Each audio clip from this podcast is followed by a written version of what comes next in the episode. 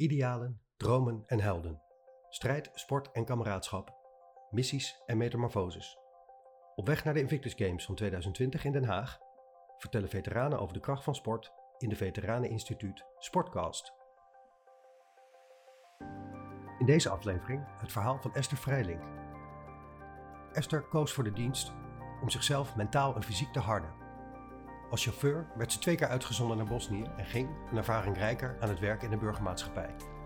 Ze genoot van het leven, maar toen haar eerste kind geboren werd, merkte ze dat Srebrenica meer invloed had dan ze dacht en moest ze opnieuw de strijd aangaan. We spraken Esther in gezelschap van haar buddyhond Wienand, die zich ook af en toe hoorbaar in het gesprek meent. Een verhaal over leren, leven en dansen tot je niet meer kan.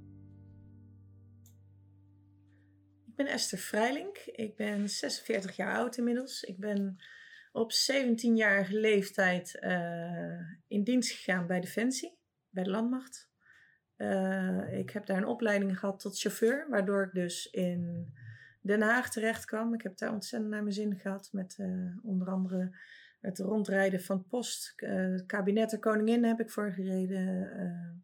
daarna later ook nog als persoonautochauffeur voor de generaals, VIP-chauffeur. Um, mooie dingen meegemaakt, uh, delegaties uh, met motorescorten om maar te zorgen dat je zo snel mogelijk van A naar B ging met, met ministers van Defensie uit het buitenland en dergelijke. Dus ik heb een hoop van Nederland gezien. Ik ben in 1994 ben ik uitgezonden geweest naar Srebrenica in voormalig Joegoslavië. In 1996 ben ik gestage, gelegerd geweest in uh, ook weer in voormalig Joegoslavië als viertonnenchauffeur. Dus uh, nou ook meegemaakt. Uh, mijn opa en oma hebben mij wel geïnspireerd om de stap te maken om bij Defensie te gaan werken. mijn oma zat in het verzet vroeger, in de Tweede Wereldoorlog. En mijn opa is daarna naar Nederlands-Indië vertrokken voor 4,5 jaar. Dus die heeft ook zijn tropenjaren, zullen we zeggen, wel gehad. Uh, en ja, dit, dat, uh, de verhalen die hij vertelde over dienst en uh, kameraadschap, de uitzending, dat, dat sprak me wel aan. Gewoon, hè, het, ik vond ook zelf wel, toen ik van school afkwam, ik heb een meisjesmavo heb ik afgerond. Toen dacht ik ook wel zo van, nou, een schop onder mijn kont, dat is niet verkeerd. Ik denk, ik moet bij Defensie, want dan kunnen we daaraan werken. Hè, sporten, uh, rijbewijzen halen. Uh, uh, ja, en uitzendingen. Dat, iets zien van de wereld. Dat, daarvoor heb ik echt wel voor Defensie gekozen. Na een tijd als chauffeur in Nederland wil Esther het echte defensiewerk ervaren en meldt ze zich, 21 jaar oud, voor de VN-missie naar Srebrenica.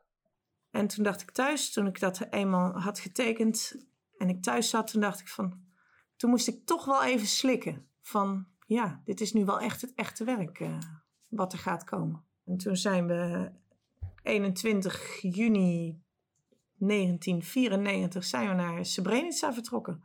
Dat is dus inderdaad het gebied waar ik gezeten heb als uh, chauffeur van de konvooicommandant. Maar uh, toen we daar eenmaal zaten, toen bleek het toch wel dat, het, uh, ja, dat we niet zoveel te vertellen hadden daar als VN zijnde. En dat we dus ook de enclave slecht uit konden. En de, de Bosnische Serviërs die om de enclave heen zaten. In de enclave zaten de, moslims die we moesten beschermen, de moslimbevolking.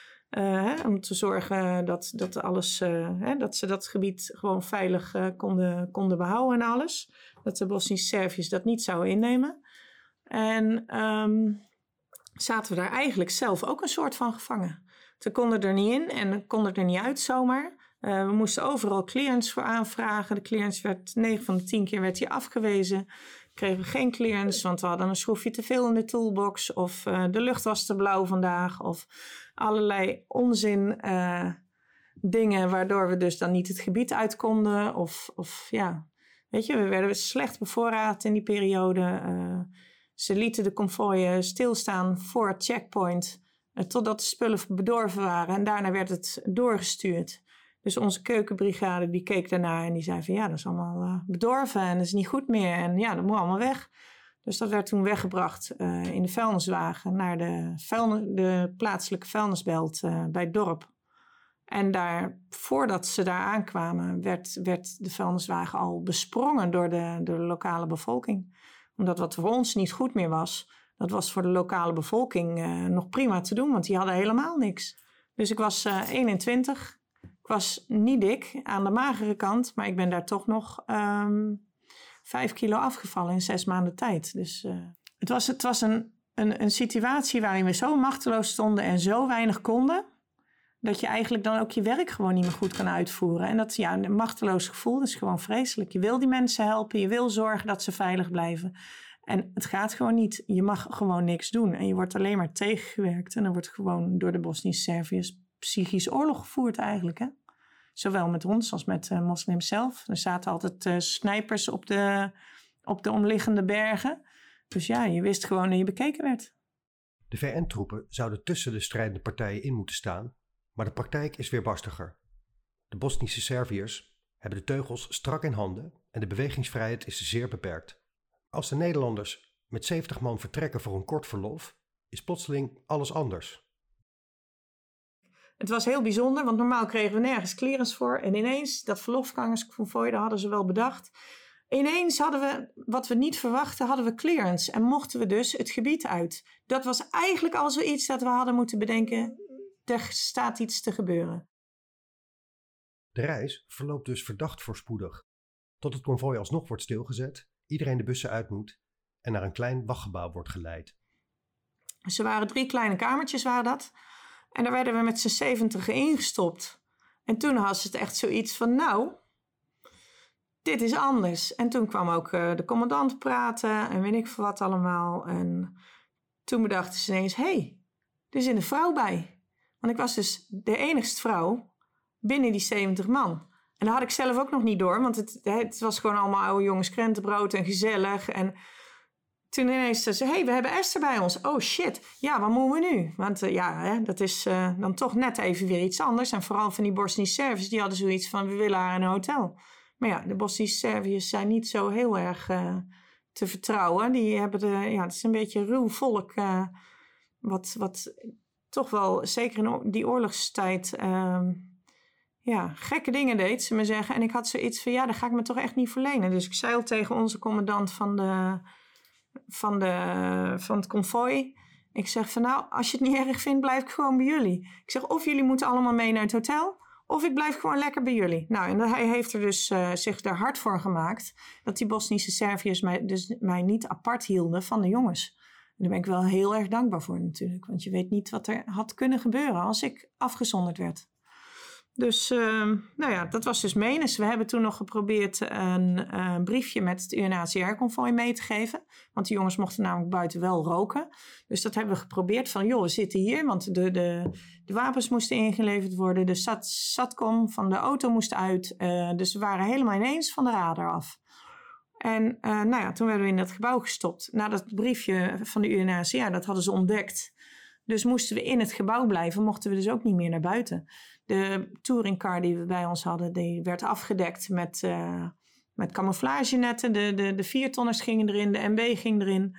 En toen wist dus niemand meer waar wij zaten. En wij hadden zoiets van, nou ja, dit is het. Dus wij gingen, ja, zullen maar zeggen, kwartier maken in die kamers. Van, hè, de C-compie daar en, en, en herstel daar. En daar ja, verdelen we ons over die kamertjes. En ja, dat weet je, je hebt niet zoveel nodig, dus dat lukt allemaal. Uh, de commandant die heeft ook toen gezegd van we gaan drie, drie keer per dag appel houden. We zorgen gewoon dat elke keer weer die schoenen geboet zijn. Gewoon om ons bezig te houden. Elke keer op appel gaf hij weer een nieuw raadseltje dat we dan weer voor het volgende appel moesten oplossen. En zo werd het een beetje gered. En uh, we hadden dus op een gegeven moment uh, iemand had een wereldradiootje bij ons. Dat mag ook, mocht ook niet, mocht het gebied niet in en niet uit. Um, maar dat hadden we natuurlijk verstopt in de, in de, in de wagen. Um, die werd tevoorschijn gehaald. Er werden een paar mannen op wacht gezet van... hé, hey, uh, hou ze in de gaten. En er waren dan twee mannen die gingen onder een tafel... gingen ze luisteren naar, de wereld, naar die wereldradio, naar het nieuws. En toen hoorden we dus ineens van, nou ja, we zijn gegijzeld. En uh, ja, dus uh, ze zei ook, ja, dat is voor je eigen bestwil, zei die mensen die ons vasthielden. Want jullie worden gebombardeerd. En toen hadden wij zoiets, wij worden gebombardeerd? Ja, nou dat werd dus tegen ons gezegd. Maar uit het uh, wereldnieuws bleek eigenlijk dat ze ons hadden ge gebruikten om te zorgen dat de VN stopte met bombarderen op hun mensen. Dus wij waren eigenlijk een soort levend schild voor hen. En dat heeft uiteindelijk zes dagen geduurd. De wereldontvanger biedt soms verrassende informatie. En nadat de Servische commandant nog vergeefs probeert de Nederlanders geld en slaapzakken afhandig te maken, mag het konvooi dan uiteindelijk toch vertrekken. De dag voordat we vrijgelaten werden, toen werd er eigenlijk al gezegd van... Ja, en uh, onze Nederlanders, hè, onze, onze Nederlandse militairen... die zijn nu onderweg naar Zagreb en uh, het komt allemaal goed. En wij hadden zoiets echt van... Nou, ze weten meer dan wij, want wij zitten hier nog steeds in die drie kamertjes. Dus dat is heel gek om jezelf dus... Uh, dat je zelf deel bent van het nieuws... en dat ze iets zeggen over jou... waarvan jij weet, hé, hey, dat is niet waar. We zitten hier gewoon nog gevangen. En ja, ze wisten niet precies waar we zaten. Dus dat was, dat was ook allemaal heel ingewikkeld. Dus toen zijn we uiteindelijk uh, doorgereden naar Zagreb. En, en nog in het oorlogsgebied, voordat we in Zagreb in veilig gebied waren, stonden daar allemaal journalisten. Zomaar op de weg in het oorlogsgebied. En dat, dat vonden wij wel heel bijzonder. Wat doen die journalisten hier? Uh, hè? Moeten we dat niet even in veilig gebied doen? Uh, dat, dat, was wel heel raar. Dus onze commandant is toen ook uitgestapt. Die heeft even een praatje gehouden met Gerrit Arnikhoff van het RTL Nieuws. En uh, toen zijn we verder gereden. Ja, Holland Huis, feest natuurlijk, bitterballen, alles. Ja, toen kwamen we weer... Uh, ja, toen was het echt euforische vrijheid, zullen we zeggen. Dat was echt uh, heel fijn om dan in het Holland Huis terecht te komen in Zagreb. En dan ontspan je en dan lach je met elkaar. En het is ook allemaal helemaal niet zo erg, weet je wel. En nou ja, het is een... Ja, korte bezoek aan het Hollandhuis zorgt voor opluchting. Even later keren de Nederlandse troepen terug naar huis en daar wachten hen nieuwe verrassingen. Als je dan uh, uit zo'n situatie komt, dan heb je eigenlijk zelf niet het idee dat het echt zoveel impact op anderen heeft gehad. Je hebt het zelf meegemaakt, je zit zelf in de situatie, dus je hebt het eigenlijk dan een soort van onder controle. Ook al ben je natuurlijk wel machteloos en van je vrijheid beroofd. Je mag niet gaan en staan waar je wil. Uh, maar toen we op Schiphol aankwamen, nou, toen kwamen we gelijk uh, doosjes aardbeien tevoorschijn van, uh, van journalisten. Want we hadden dus Wereldradio geen radio genoemd, maar aardbei. Omdat aardbeien is iets Nederlands en wereldradio, radio, is een universeel woord. Dus dat herkent iedereen. Dus vandaar dat ze midden in december met een doosje aardbeien stonden voor ons. Dat, dat, dat, is indrukwekkend sowieso. Hè? En al die journalisten is indrukwekkend als je aankomt op Schiphol. Maar toen kwam er op een gegeven moment kwam mijn moeder naar me toe. En mijn moeder is, is een hele standvastige vrouw, zullen we zeggen, die ik nog nooit van mijn leven heb zien huilen. En ze kwam naar me toe en ze omhelste me. En ze huilde. Dus ik denk, wat is er gebeurd? Mijn moeder die huilde, dat had ik dus echt nog nooit gezien. Dus dat was wel dat ik denk van, jee, me nee. En dan ga je pas beseffen dat, het, uh, dat de mensen die niet hebben geweten waar jij zat, dat die het wel heel zwaar hebben gehad. Die het, eh, die, hè, dat het echt wel indrukwekkend voor hun is geweest. Hè? Dat, mijn opa en oma waren contactpersoon uh, in, die, in die missie. En uh, die werden dus op de hoogte gehouden ook. Er werd dus een motorordonnans vanuit Den Haag gestuurd naar mijn opa en oma. Om een brief van de minister af te geven waarin stond dat ik gegijzeld was. Dus ja, dat heeft op die mensen zeker wel heel erg veel indruk gemaakt. Natuurlijk ook gezien hun uh, oorlogsachtergrond zelf. Um, ja, en dat, daar, praat je dan later op het moment dat je... Want ik moest natuurlijk nog terug naar uh, Srebrenica om een missie af te maken. Maar uh, daarna hebben we daar toch wel hier en daar eens over gepraat. Van, goh, dat was wel indrukwekkend, hè? En ik werkte toevallig natuurlijk in Den Haag met die motorordonnans. Uh, dus hoorde ik ook van jongens van... Ja, en toen hebben we pizza gehaald en het was spannend. En iedereen werd opgeroepen, want er moesten 70 mensen bericht worden. En nou ja, dat is dan, dan hoor je de andere kant van het verhaal. En dat is dan, ja, en dat het dan allemaal voor jou, mijn persoontje, uh, in werking is gesteld. Dat heeft op mij ook echt wel indruk gemaakt dat dat uh, zo ervaren is uh, in mijn familie hè, en bij mijn collega's. Ja, dat, dat was ja, heel bijzonder. Kort na haar tweede uitzending besluit Esther dat het tijd is om buiten Defensie aan de slag te gaan. Ze volgt een opleiding tot kraamverzorgster en stort zich volledig op het vak. Ze is dag en nacht in touw en ook buiten werktijd zoekt ze voortdurend naar manieren om bezig te blijven. Ja, goede tijd. Ik leefde aan de ene kant echt met de dag, zullen we zeggen. Uh, van je moet ervan genieten en je moet het nu pakken. En uh, Ik had toen geleerd salsa te dansen en dat eh, deed ik dus niet één keer in de week. Ja, in het begin wel, want toen kon ik het nog niet, zo goed. Maar toen ik het uiteindelijk uh, er echt plezier in kreeg, dacht ik, ja, leuk, geweldig. Toen ben ik zes dagen in de week gaan salsa dansen. Omdat er in Den Haag dus op de zevende dag geen enkele dansschool of club open was waar ik kon salsa dansen. Dus ja, dan zat ik thuis te balen, zullen we zeggen. Van ik denk, ah, ik wil, ik wil dansen, ik wil bezig, ik wil, wil door, ik wil genieten, ik wil de dag pakken. Als ze niet kan werken of dansen, voelt Esther zich onrustig. Wanneer ze trouwt en zwanger wordt, komt die onrust steeds nadrukkelijker aan de oppervlakte. En op het moment dat mijn eerste kind werd geboren, werd ik eigenlijk stilgezet. Ik kon niet meer elke dag gaan salsa dansen, ik kon, kon niet continu meer werken. Um, ik moest voor mijn zoon zorgen. Mijn, eh, mijn, zoon, eh, die, uh, ja, hè, hoe hou ik hem levend, had ik zoiets. Ik hield gigantisch veel van het ventje, maar ik durfde ook niet met hem naar buiten. Het was allemaal ineens heel benauwend. Ik werd stilgezet in het hier en nu. En ik, ja, ik, ik kon niet meer rennen. Ik kon niet meer vluchten eigenlijk. Hè? Dus toen zijn uh, heel heel uh, gaandeweg eigenlijk heb ik meer nachtmerries gekregen, heb ik, uh, meer prikkels gekregen. Um, ja, toen door die prikkels um, en door de nachtmerries verloor ik heel veel energie, waardoor ik op een gegeven moment, dus ik had een kind gekregen, twee jaar later nog een kind gekregen, zat ik met twee zoons die ik moest opvoeden en ik moest werken. En ik redde het niet meer, want ik had geen energie meer ik had de nachtmerries s'nachts, ik had de prikkels overdag, ik had de prikkels van de kinderen. Ondanks dat het schatten van jongens zijn, uh, was het me allemaal te veel. En uh, had, dan zei ik tegen mezelf rond een uur of één smiddags van ik red het niet, ik red het niet.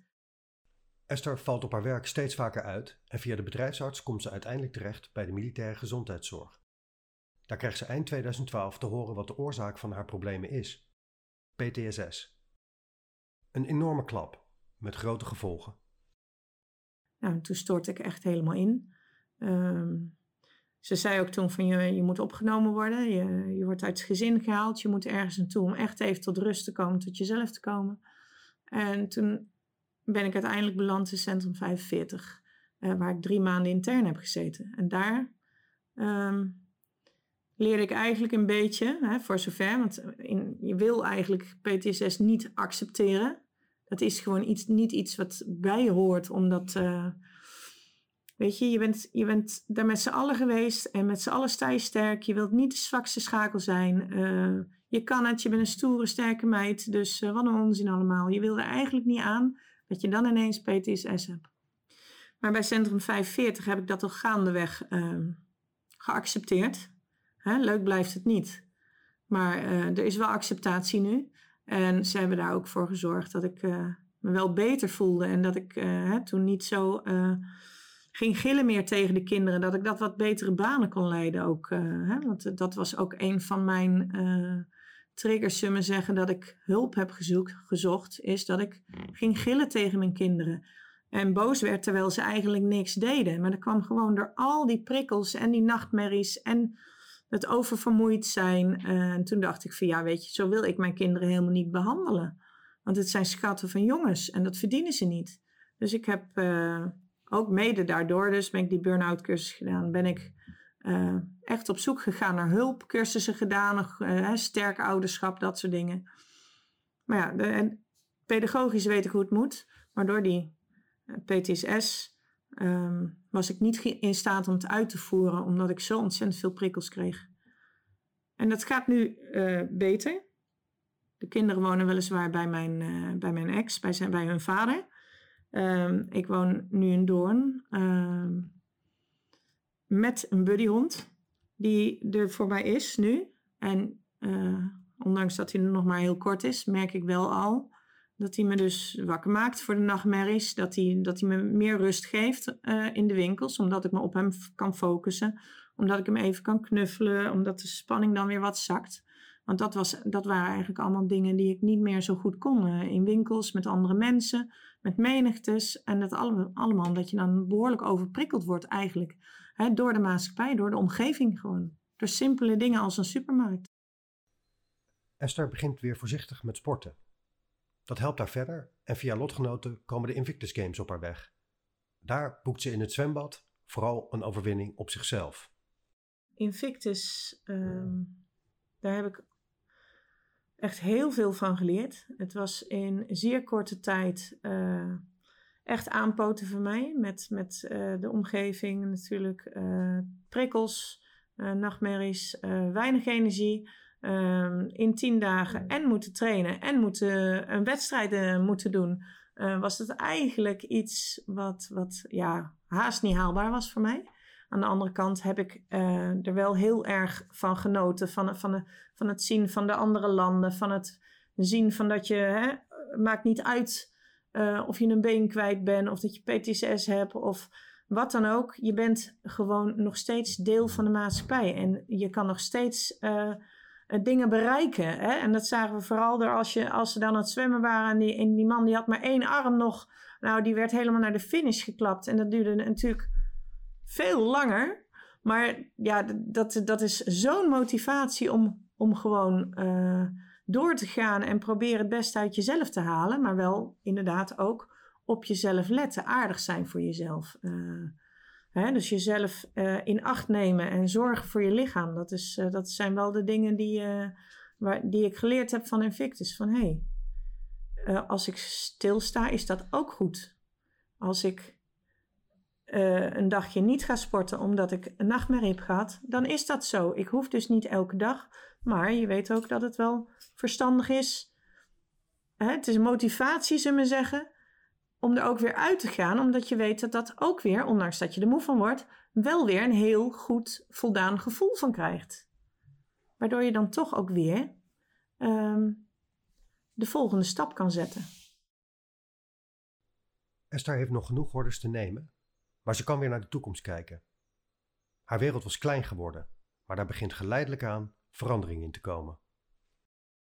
Ik heb uh, nu een prachtig huisje in een rustige omgeving. Ik heb uh, de ervaringen van Invictus uh, meegenomen. Ik ben hier in mijn eigen omgeving ben ik ehm, uh, voor mezelf bezig om, om goed mijn lichaam gezond te houden. Dus door te sporten bij, de, bij Curves nu, dat is wereldwijd geloof ik. Maar hier, dat is voor mij heel erg drempelig, omdat er geen spiegels zijn, omdat ze rekening met je houden. Het is een groepje met alleen maar vrouwen, zullen we zeggen. Er staan toestellen die voor mij te behappen zijn. Je hoeft dus maar een half uur te sporten. En dat drie dagen in de week, waardoor het voor mij haalbaar is. Weet je wel, te lang sporten is voor mij echt intensief. En dat half uurtje, daar zie ik dus dan niet tegenop. En uh, nou ja, met Wienand, uh, mijn buddyhond, heb ik nu veel ritme gekregen. Ik ga hè, elke dag een aantal keren met hem in het bos. Het bos nou ligt achter mijn huis, dus ik heb echt mazzel. En ja, de toekomst door Invictus en door um, alle dingen die ik nu met hele kleine stapjes aan het opstarten ben... Um, weet ik niet wat er in de toekomst gebeurt, maar ik weet wel van, hey, stap voor stap, dag voor dag. Um, het is nog niet op, want ik ben 45 en ik voel me af. Oh nee, ik ben 6. Ik ben inmiddels 46, maar ik voel me af en toe 88, maar dan toch um, is het niet op. Ik kan nog voldoende doen en ik uh, doe dus nu vrijwilligerswerk bij de paarden. Um, en ik werk, uh, ik doe via de BNMO heb ik een bosproject. Uh, waar ik dus dan lekker de bossen in kan. Dat is ook helemaal prikkelvrij. En in het groen met, met de boswachten van natuurmonumenten. Dus er zijn nu gaandeweg wordt mijn wereld steeds groter met mijn vrijwilligerswerk. En dat, ja, dat geeft me een voldaan gevoel eigenlijk. Dus ik zie de toekomst zeker zonnig in.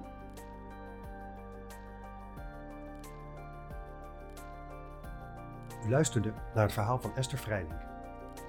Informatie over buddyhonden, sporten voor veteranen en de Invictus Games vindt u in de links.